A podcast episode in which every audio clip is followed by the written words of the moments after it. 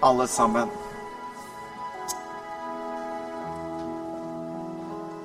Halleluja. Fantastisk lovsang.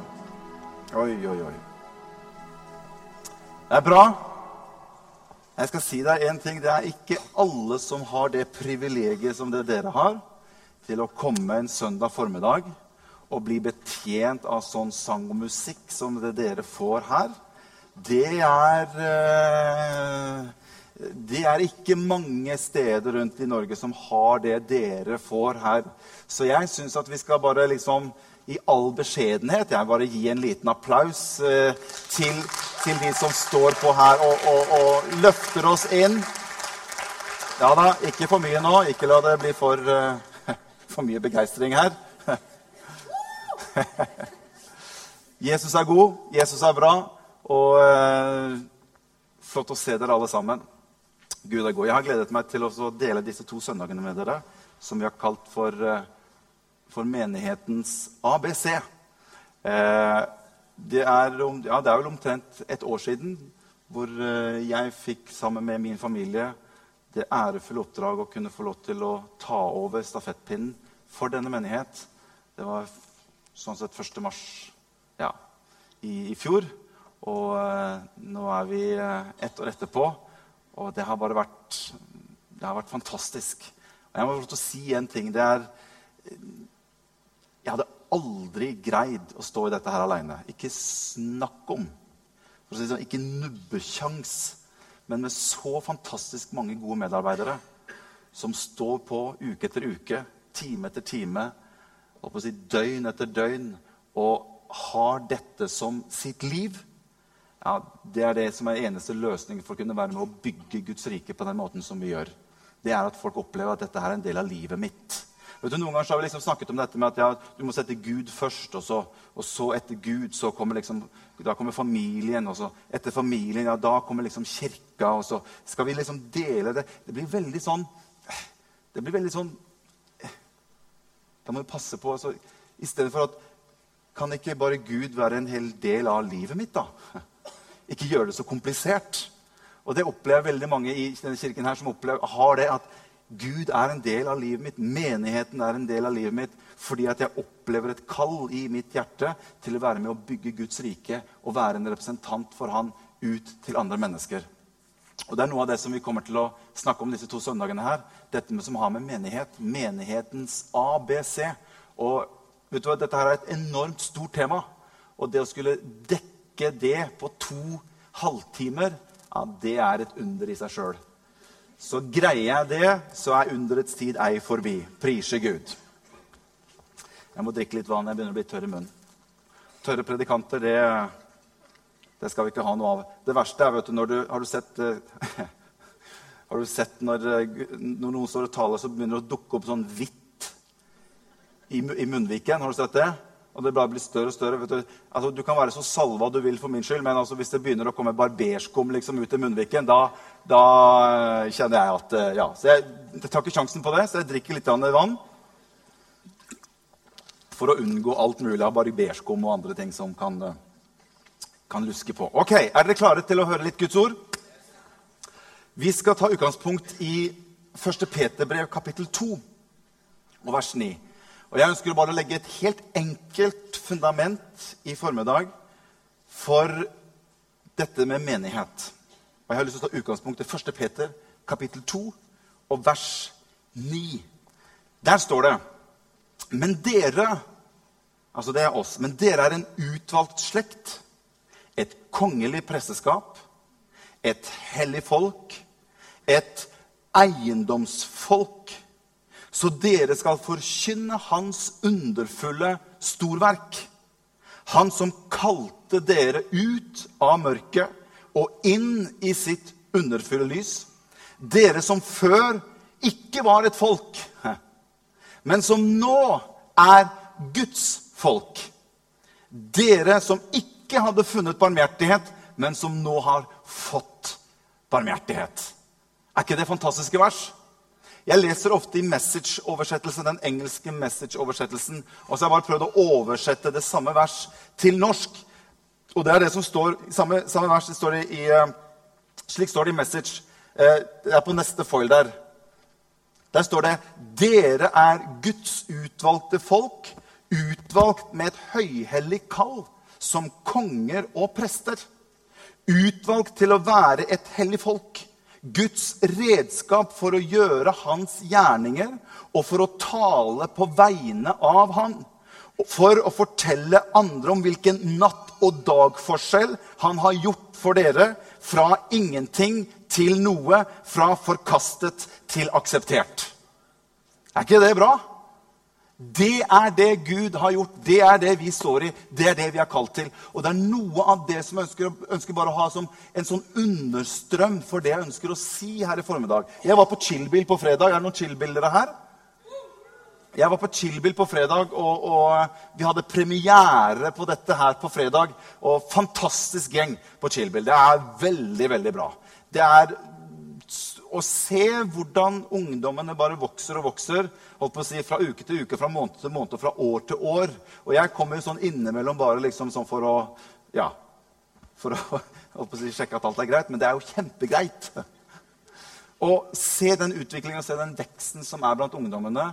og det er, det er, veldig bra. Så jeg vil bare si til dere som er foreldre, sørg for å ha ungene dine i chillbil. Det er så bra der at det å liksom sparke dem litt ut døra på en fredag ah, Kom igjen. Det gjør ingenting. Kom igjen, Få dem ut. La dem ikke sitte i stolen hjemme. eller et eller annet. Få dem ned på chillbill. Det er så bra.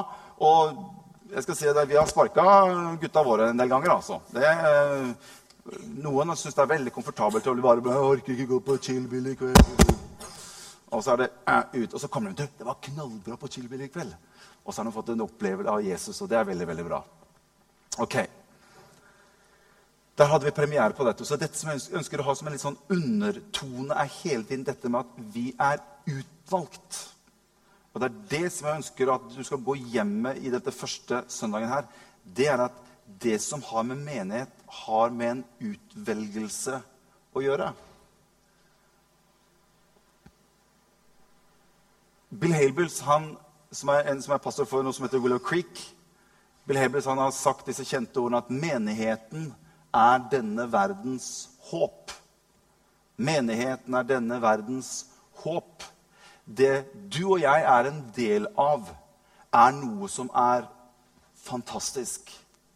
Det er den mest sterke institusjon i hele jorden som har et fantastisk utgangspunkt, og som har en fantastisk oppgave som ingen annen institusjon i hele verden kan være i nærheten av en gang.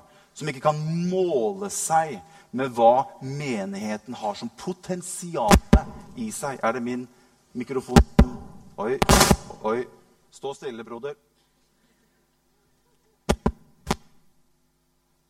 Er det noen som har en hjelpende hånd?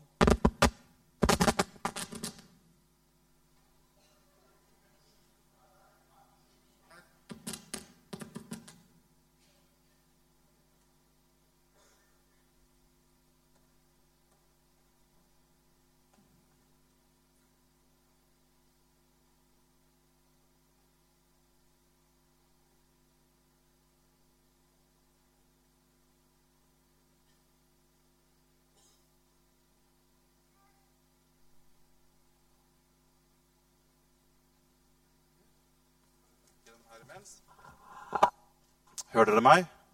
Ja. Jeg kan bruke denne her, jeg ja, også. Det går bra, det.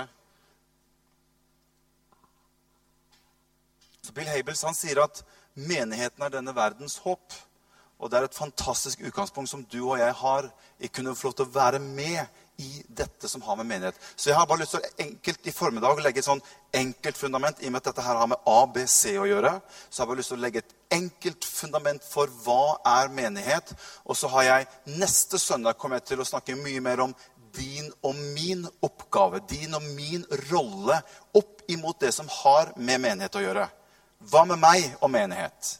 Hvordan, hvordan, skal jeg forholde meg til det som har med menighet? Hva er min rolle? Hvordan skal vi fungere? Og så, videre, og så, videre. så det som jeg kommer til å ta neste fredag. Søndag. Jeg skal ikke på chill. Skal jeg prøve denne her?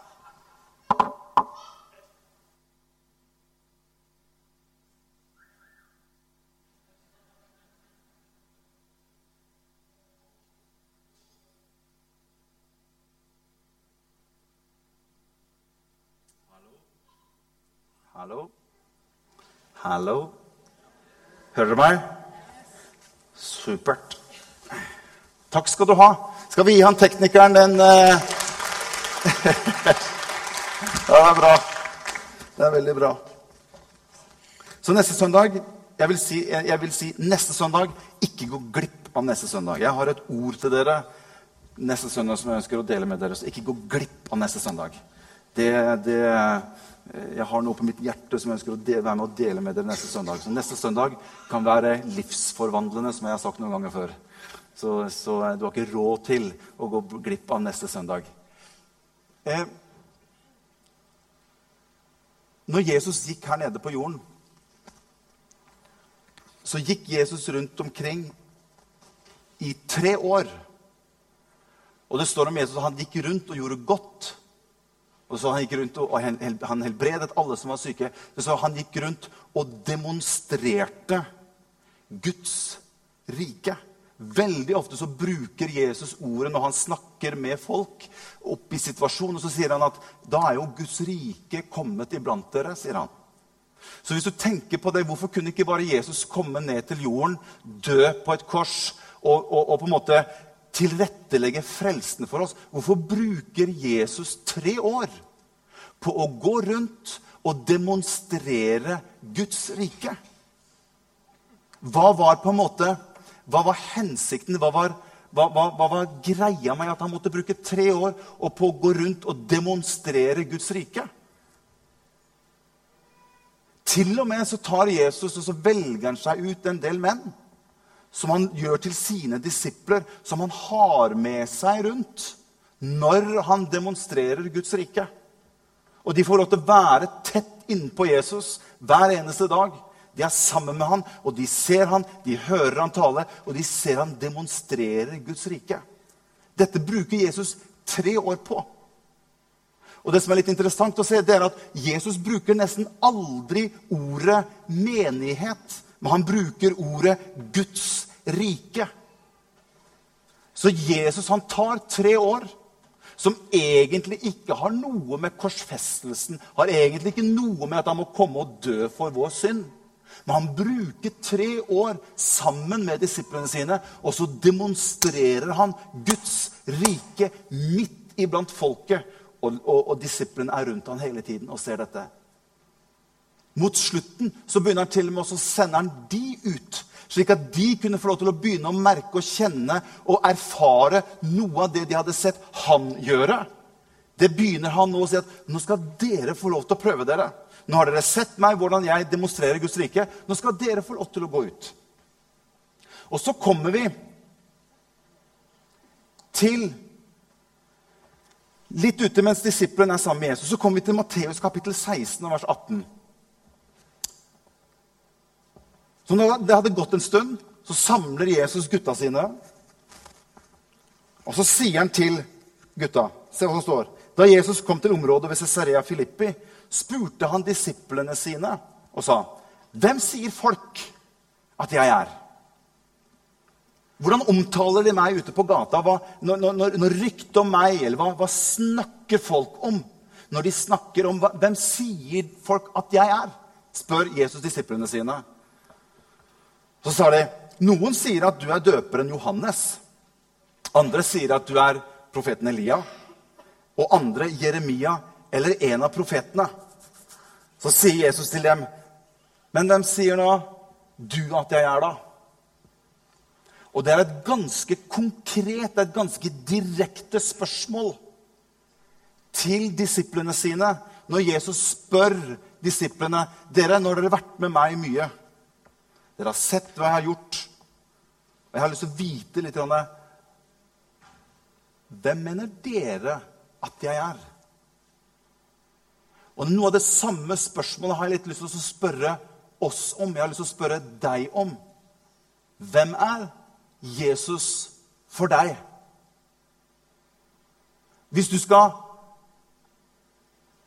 forklare han, hvis du skal beskrive han, ikke hva du vet at han kan gjøre, men, men hvem sier du til folk at Jesus er?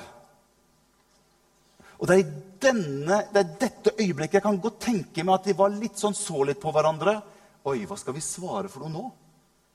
Og midt oppi det så sier Peter til Jesus, 'Jesus, du er Messias. Du er Kristus, den levende Guds sønn.' Så sier Jesus til Peter, 'Peter, det som du sier der nå, det er ikke noe som du har funnet opp av deg selv.' Det er noe som er blitt åpenbart for deg. Peter, du så et eller annet. Det var bare et eller annet som ble synlig. Og jeg er helt sikker på at når Peter står der og ser på Jesus, og han kanskje ser på noen av de andre gutta rundt omkring, hva skal vi svare? Og så ser han på Jesus. Og så er det akkurat som det er et eller annet som går fra øynene til Peter. Og så ser han Jesus i en helt annen dimensjon. Så sier han, ja, men Jesus, du er jo, du er jo Messias. Du er jo, du er jo, den, du er jo den levende Guds sønn, du. Og da merker Jesus med en gang, Peter, nå er du borti et eller annet. Nå er du i kontakt med noe som er ekstremt viktig. Og Derfor så sier Jesus, nei, så sier Jesus videre, Peter, dette har ikke du tenkt ut selv, men min far som er i himmelen, har åpenbart det for deg. Peter, på denne klippen, og for første gang, så bruker Jesus ordet menighet. Så sier han, På denne klippe, Peter, vil jeg bygge min menighet. Da bruker han ikke ordet Guds rike lenger. Men han begynner å komme inn med et nytt ord som heter eklesia på gresk. Som betyr egentlig en forsamling. Noe som er utvalgt, noe som er tatt ut av en sammenheng til å være med og styre og regjere. Dette vil jeg bygge min menighet på, Peter. Peter, den åpenbaring som du så nå, det du kom i kontakt med nå, det er nøkkelen til at jeg kan bygge min menighet.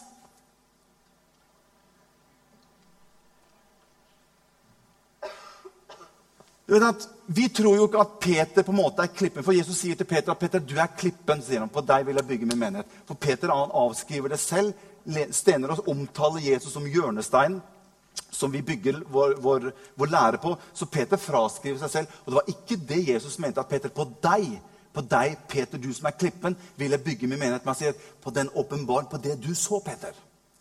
Og Derfor så ønsker jeg bare å la det ligge litt. For jeg ønsker bare å komme tilbake til det. For hør, uten åpenbaring, uten at Jesus blir virkelig for oss, så kan ikke vi bygge menighet. Hvem sier du at jeg er? Hvor virkelig har Jesus blitt for deg i ditt liv? Når du skal omtale Jesus, omtaler du ut ifra at du har kjennskap til ham? At du har lest om ham? Ja, jeg jo husker jo litt fra søndagsskolen. og jeg, jeg, Jesus var en god mann, og han har gjort veldig mye godt. Hvem sier du at Jesus er? Hvilken, hvilket inntrykk, hva, hva har du fått lov til å se av Jesus når du skal omtale hvem Jesus er? Og det gjelder også oss som menighet. Hvordan omtaler vi Jesus? Hvilket uttrykk har vi som menighet av Jesus? Når folk kommer inn iblant oss, når folk kommer i nærheten av deg og meg som tilhører en menighet, hvilket uttrykk får vi av Jesus, får folk rundt deg av Jesus når de møter deg? Og så begynner Jesus å bruke et ord som han kaller for eklesia. Det ordet eklesia vi skal ta neste, ordet eklesia er et gresk ord som betyr i gammel tid så, i gammel, Det er et vanlig gresk ord. I gammel tid så tok man på en måte i en stamme eller en by eller en, en bygd så tok de noen menn eller kvinner jeg vet ikke hva som var mest venn, menn. Du får bare overbære et eh, Nå ble jeg litt satt ut her. Jeg tenkte bare å si at Vi har veldig mange kvinner i vårt lederråd. var det liksom, tenkte jeg liksom bare Sånn at vi er eh, Ja. Eh, Det ordet eklesia betyr egentlig På den tiden så var det ofte at man tok noen menn ut som skulle være på en måte de som styrte eh, stammen eller styrte bygda. De var på en måte et råd. De var kalt ut til å være et råd. Og Når vi snakker om ordet eklesia i, i, i bibelsk sammenheng, så er det ofte to typer av menighet som vi, som vi snakker om. Vi snakker om den universale menighet det er den som på en måte er den som er over hele jorden. Eh, Paulus kaller den for Kristi brud. skal komme litt tilbake til det etterpå. Og så har vi det som kalles for den lokale menigheten. Den lokale menigheten er sammen som Pinsekirken i Sandvika. Og Det ser du med Paulus når han skriver brevene sine. Så skriver han til menigheten i Rom, i menigheten i Er det noen som husker dette? I menigheten i Kor, Korint, menigheten i e, Efesus osv. Lokale menigheter som Paulus skriver til. Derfor så I vår menighet her så ønsker vi å være en menighet for alle mennesker. Vi ønsker å være en menighet som er inkluderende for alle typer mennesker. Uansett om du er vellykket eller ikke vellykket, om du er rik eller du ikke er rik, om du har god utdannelse eller ikke Det spiller ingen rolle. Vet du hvorfor det? Fordi at når vi kommer til kirka, så er alle like. Et fantastisk sted hvor vi kan få lov til å legge bort det som er av oss selv, og så er det bare én person det dreier seg om, og det er Jesus Kristus. Halleluja.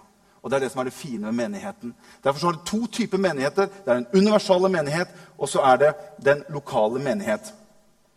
Når jeg snakket til Chilbel på fredag, så sa jeg at hvis jeg stiller spørsmålet hva er menighet, så er det egentlig det et feil spørsmål.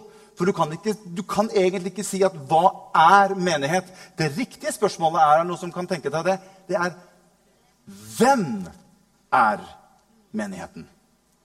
Fordi at menighet er ingen bygning. Menighet er ingen institusjon. Menighet er ingen organisasjon. Menighet er ikke noe som du og jeg på en måte kan hva skal vi si, definere som noe, noe, noe fysisk noe. Men menighet er deg og meg. Når du tar imot Jesus Kristus, når du blir født på ny, så settes du inn i det som Bibelen kaller for hans menighet. Du blir en del av hans menighet. Så er det, det er gjenfødelsen som gjør at du blir innpodet i, hva skal vi si, i menighetens store tre. Universalt over hele jorden. Det er gjenfødelsen din som setter deg inn i menigheten. Det er ikke et medlemskap i en menighet som gjør at du er et medlem av menigheten. Det er ikke det. Det er, det er liksom sånn organisatorisk.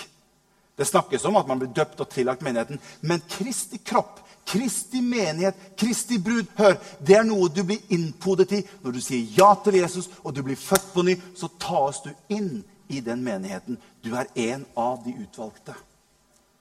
Amen. Henger dere med så, så langt? Bra. Derfor så er det riktige spørsmålet hvem er menigheten? Du er menigheten. Jeg er menigheten. Og som jeg sa på Chillbill på, på fredag, hør, du er alltid menigheten. Jeg er ikke bare menighet når jeg kommer hit på søndag. Jeg tar på meg sånn derre menighets... Sånn, sånn Åh! Se på meg. Liksom, nå, nå, er jeg i menighet. Nå, nå, er jeg i menighet. Nå er jeg, liksom, jeg er så fin og prektig. Og, og liksom sånn, at vi tar på oss en sånn menighetsdrakt på søndag. Og så, så, fort vi kommer ut av døra liksom, etter kirka, så er det bare si, rett i pysjen og noe helt annet, liksom. Nei. Jeg er menighet alltid. Når jeg blir født på ny, hør hva jeg sier, når jeg blir født på ny, så tar Jesus meg. Så sier han, Morten, nå har jeg podet deg inn på min kropp. Nå er du en representant for mitt rike. Du er en representant og en ambassadør for mitt rike. Ikke bare på søndager, men overalt der du går, er du en ambassadør og en representant for Guds rike her på jorden. Og som jeg sa til Chillbill-folka på fredag, vær litt obs på det i enkelte tilfeller. Tenk litt over det liksom i av og til når vi, når vi, er med på ting. Når du er ute sammen med venner eller kamerater eller hva som helst. Når du legger ting ut på Facebook f.eks. Vær litt obs på det. Husk på at du representerer Du er en ambassadør for Guds rike her på jorden. Amen. Det var ikke Se for en gang til. Amen. Ja! Og det er det som jeg ønsker å, være, å, å, å få deg til å se. Det er at du er utvalgt til å være med inn i det som, har, som, Jesus kaller for sin menighet. Og han sier at 'jeg vil bygge min menighet'. Når du blir innpodet i den menigheten, så kommer du inn i noe som er veldig mye større enn deg selv. Og da trenger det ikke bare å handle om deg og meg, men da begynner det å handle om noe mye, mye, større. Så når Jesus gikk rundt omkring, og så demonstrerte han Guds rike, og disiplene fulgte med og var med sammen med ham, hvorfor tror du han gjorde det? Han ønsket å lære dem opp til, når de skulle gå ut og være representanter og ambassadører for hans rike, for hans menighet. Og Det er derfor Jesus sier til Peter Peter, det du opplevde nå, at, at noe ble åpenbart for deg, det vil være nøkkelen til å bygge min menighet.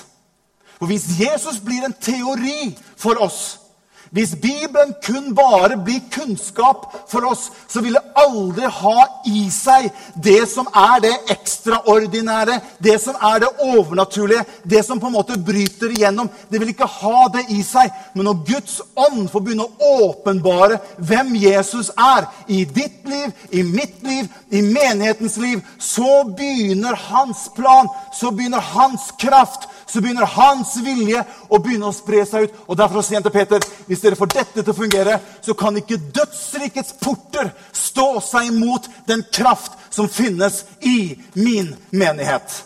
Der kan du si et lite amen. Halleluja. Vi er utkalt. Vi er valgt ut. Hør. Når Adam når Gud skapte mennesket Følg med nå.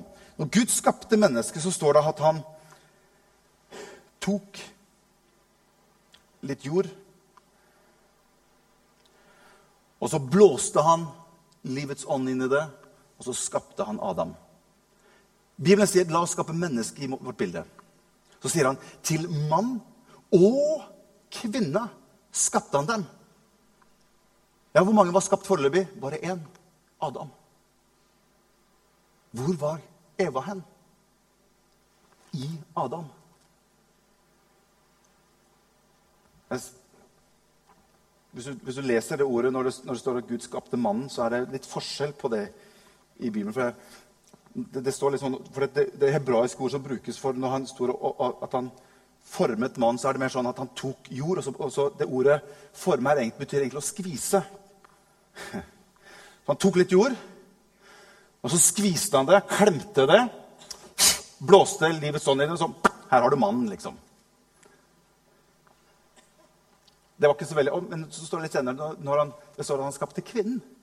Det står at han formet kvinnen. Da bruker han ikke ordet 'skvise'. Det er et helt annet ord. Det, det er litt mer, Jeg skal ikke gå inn i detalj, men altså Ikke sant? Uten at vi skal gå lenger på det. Men, men det er en helt annen måte så mannen ok, ta litt jord her, er ikke så farlig. Bare, skvi, bare skviser den sammen. Enkelt. Blåser livet sånn. Der har du mannen. Men vi, vi, tar oss litt mer tid. Og takk og lov for det. Det gjør ingenting. Litt mer tid når vi skal forme kvinnen litt etterpå. Men poenget mitt er det er at han sier til mann og kvinne skapte han dem. Og han ga han navnet Adam. Kvinnen var i Adam. Så når Gud ønsker å gi en kvinne til Adam, så står det han kaller henne ut av Adam. Han tok et ben ifra Adam, og så formet han kvinnen og satte den ved siden av Adam. Det samme gjør Gud med Kristus. Han kaller Guds menighet ut av Kristus på Golgata kors. Som gjør at han kan være med å fø fram den nye, utvalgte slekt av Kristus. Så når Jesus dør på korset, så står det at han er og står opp igjen fra døde, så står det han er den førstefødte blant mange brødre. Så på samme måte som han tar kvinnen ut av Adam, så tar han menigheten ut av Kristus og skaper en brud, en brudgom til Jesus Kristus. Og hør, du og jeg, vi er en del av den bruden. Vi er en del av det som Gud har utvalgt, som han har kalt ut ifra Kristus. Amen. Se hva som står i Titus 2, 14. Fantastisk. Titus 2,14.: Han som ga seg selv for oss, for at han skulle kjøpe oss fri fra all urettferdighet og rense for seg selv et eiendomsfolk som har iver etter å gjøre gode gjerninger. Amen. Der har du det. Han kjøpte oss fri. Ved at han ga sitt liv for oss, overvant den ondes makt på korset, så kunne han være med og være den første til å føde oss på ny, slik at vi kunne komme inn i den store familien som har med menighet å gjøre. Og hør, Dette er bare helt, helt basic, helt enkelt. Så hvis du sitter her ja, men dette her har jeg hørt før, helt riktig. Det har Morten Aune hørt, hørt også. Jeg har hørt dette mange ganger før. Men noen ganger er det veldig greit å gå helt ned på basic. For sånn, Jeg ønsker at du skal gå ut herfra og forstå at menighet har ingenting med bygning å gjøre. Menighet har med at du er valgt ut og kalt inn i hans familie som en representant og som en ambassadør for han. Amen. Gud, Gud er ingen privat Gud. Gud er ingen sånn, sånn at ja, som jeg sa på Chilberg, Hvis du spør en fyr hva, hva er du for noe Jo, jeg er profesjonell fotballspiller. Å, er du det? Ja, kult, da. Ja, jeg er profesjonell fotballspiller. Ja, Hvilket lag spiller du på? Nei Lag Spiller jo ikke på noe lag, da. Jeg syns du sa du var profesjonell fotballspiller. Hva? Nei, jeg, jeg, jeg, spiller ikke på noe lag. Jeg er mer sånn ja, Spiller for meg sjøl. Tørrtrener hjemme i bakgården og er mest for meg sjøl. Det går ikke, det. Det er samme som å si til en fyr hva, hva, hva, hva, er det du holder på med? Jo, jeg er i militæret. Å, hvilken bataljon? Eller hvor i, hvor i det militære? Nei, jeg, jeg, er ikke med i noe her eller noe. Jeg er bare helt for meg sjøl. Jaha. Og hva Ja vel? Hvordan fungerer Det er jeg Å ja, rusta til tenna. Er ute i skauen, vet du. Og er en trussel for alt som, som rører seg. Der, der har du meg. Jaha. Så du er soldat, du. Men du er ikke med i Nei, nei, nei. nei. nei jeg fungerer best for meg sjøl. Guds plan med menigheten er ikke at du og jeg kan bare være private for oss sjøl. Guds plan for menigheten er at han innpoder deg og meg som en del av hans kropp. Se hva som står i 1. Korinterbrev kapittel 12 og vers 12. 1. Korinterbrev 12 og vers 12. Din kropp har mange deler. Bein, armer, celler osv. Dette her er uh, message-oversettelsen. Ja. Uansett hvor mange deler du kan nevne, vil du fortsatt være én kropp. På samme måte er det med Jesus og menigheten. Så når du og jeg er en del av menigheten, så er vi en del av en stor kropp. Vi blir innpodet på en kropp. Vi har forskjellige oppgaver. Så hvis du går til 1. Korinterbrev kapittel 12 og vers 27, der står det veldig bra. Det står det Dere er Kristi kropp, og hver for seg er dere lemmer på hans kropp. Det vil si at vi er forpliktet i et fellesskap med hverandre. Og det er derfor menighet noen ganger er en fantastisk velsignelse. Og noen ganger kan menighet være litt utfordrende ganger. For vi er sammen med brødre og søstre. Det er ikke alltid at eh, man er fullt sånn på linje med broren sin. eller jeg vet ikke hvordan dere har Vi opplever av og til, sånn en gang, en gang hvert skuddår, at det er litt sånn kniving mellom brødrene våre. Eller sønnene våre, da. Jeg hadde ikke noen brødre, så jeg hadde, ikke jeg hadde bare full kontroll over de to søstrene mine, så der var det veldig greit. Så, eh, men det kan være en utfordring for menigheten. Men likevel så er du og jeg kalt til fellesskap sammen med andre. Og hør, som jeg sa på Chillbill på fredag hør, Gud kommer aldri Jeg skal ikke si aldri. Men ta det som et utgangspunkt. Gud kommer aldri til å komme inn på rommet ditt en eller annen dag og lyse opp rommet ditt og skrive med svære bokstaver på veggen og forklare deg i detalj at 'jeg har kalt deg', og at du skal bli sånn og sånn for meg. Jeg skal utruste deg. Du skal shake the world for me. og liksom, du skal gjøre vet du hva? Vet du hvordan det kommer til å skje? Det kommer til å skje gjennom en bror eller en søster. Derfor er vi avhengig av hverandre for å bygge menigheten. Derfor står det 'la oss kappes om å hedre hverandre'. La oss være flinke til å hedre den andre for den tjeneste og oppgave som de står i. Slik at når, når, når, vi er i et fellesskap, så skal vi være flinke til å oppmuntre hverandre.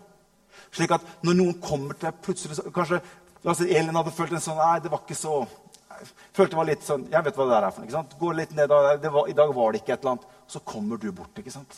Så vet du hva, Elin?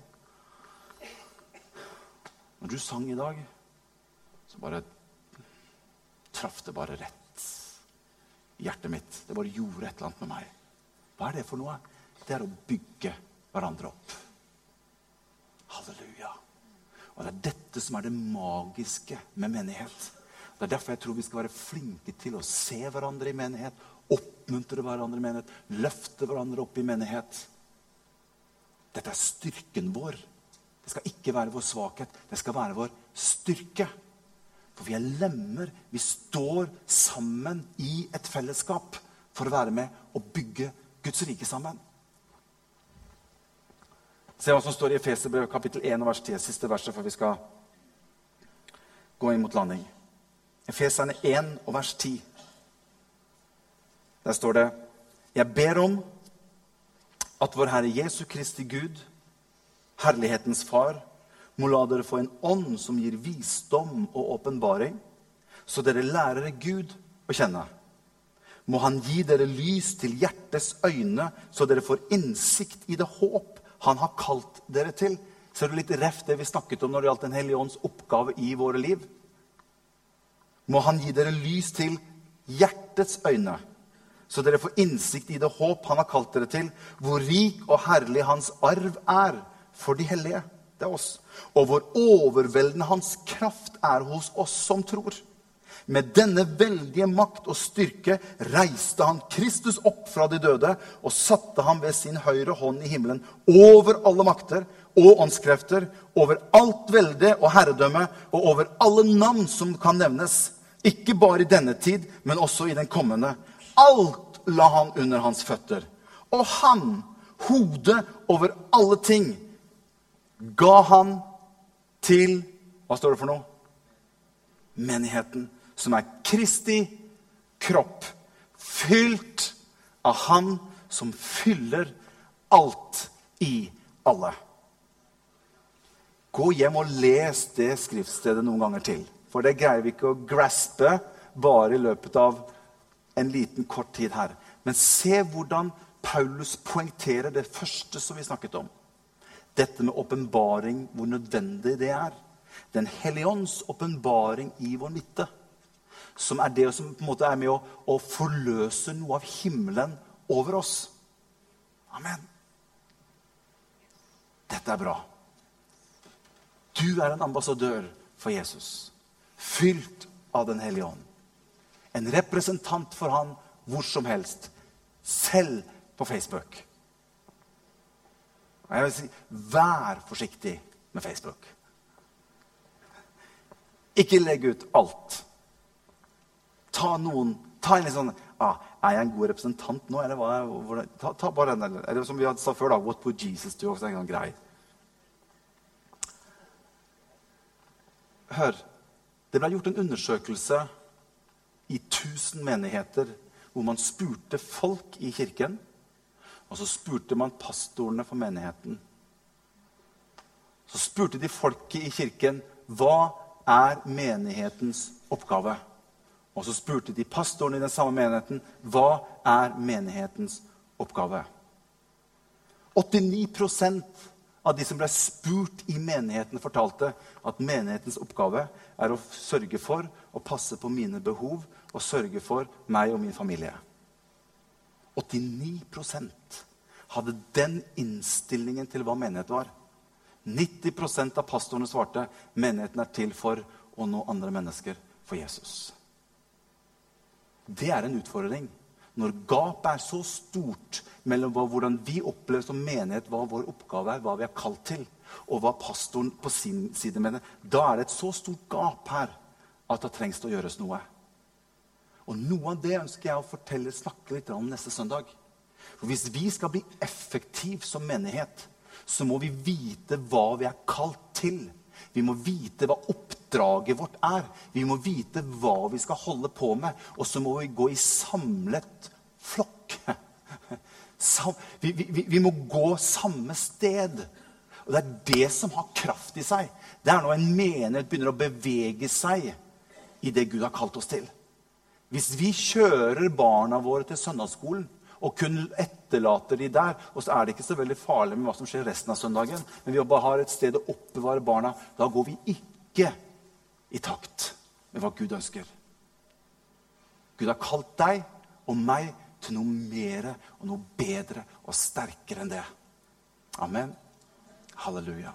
La oss reise oss opp, alle sammen.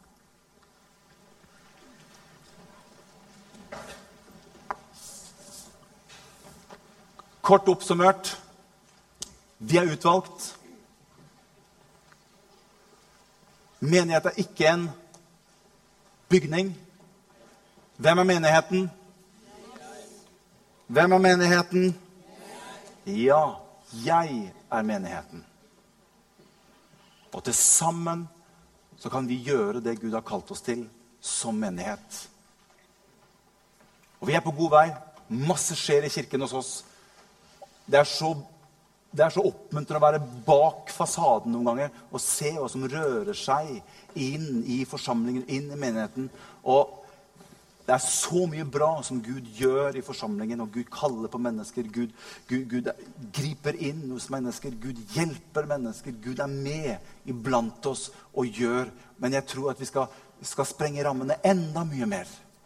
For Gud har så mye, mye, mye større planer for oss enn det som vi ser og opplever i dag. Han er så mye, mye større enn det vi Og jeg har sagt at vi er alltid nødt til å ha noen visjoner som er større enn det vi opplever. Vi er alltid nødt til å ha en visjon som er større enn oss selv. For hvis vi kan få det til bare i egen kraft, da tar vi litt æren til oss sjøl. Men hvis vi har en visjon som er større enn oss selv, og vi får lov til å se det skje, hva skjer da? Han tilhører all ære og pris. Da er det han som får æren for hva han gjør midt iblant oss. Halleluja.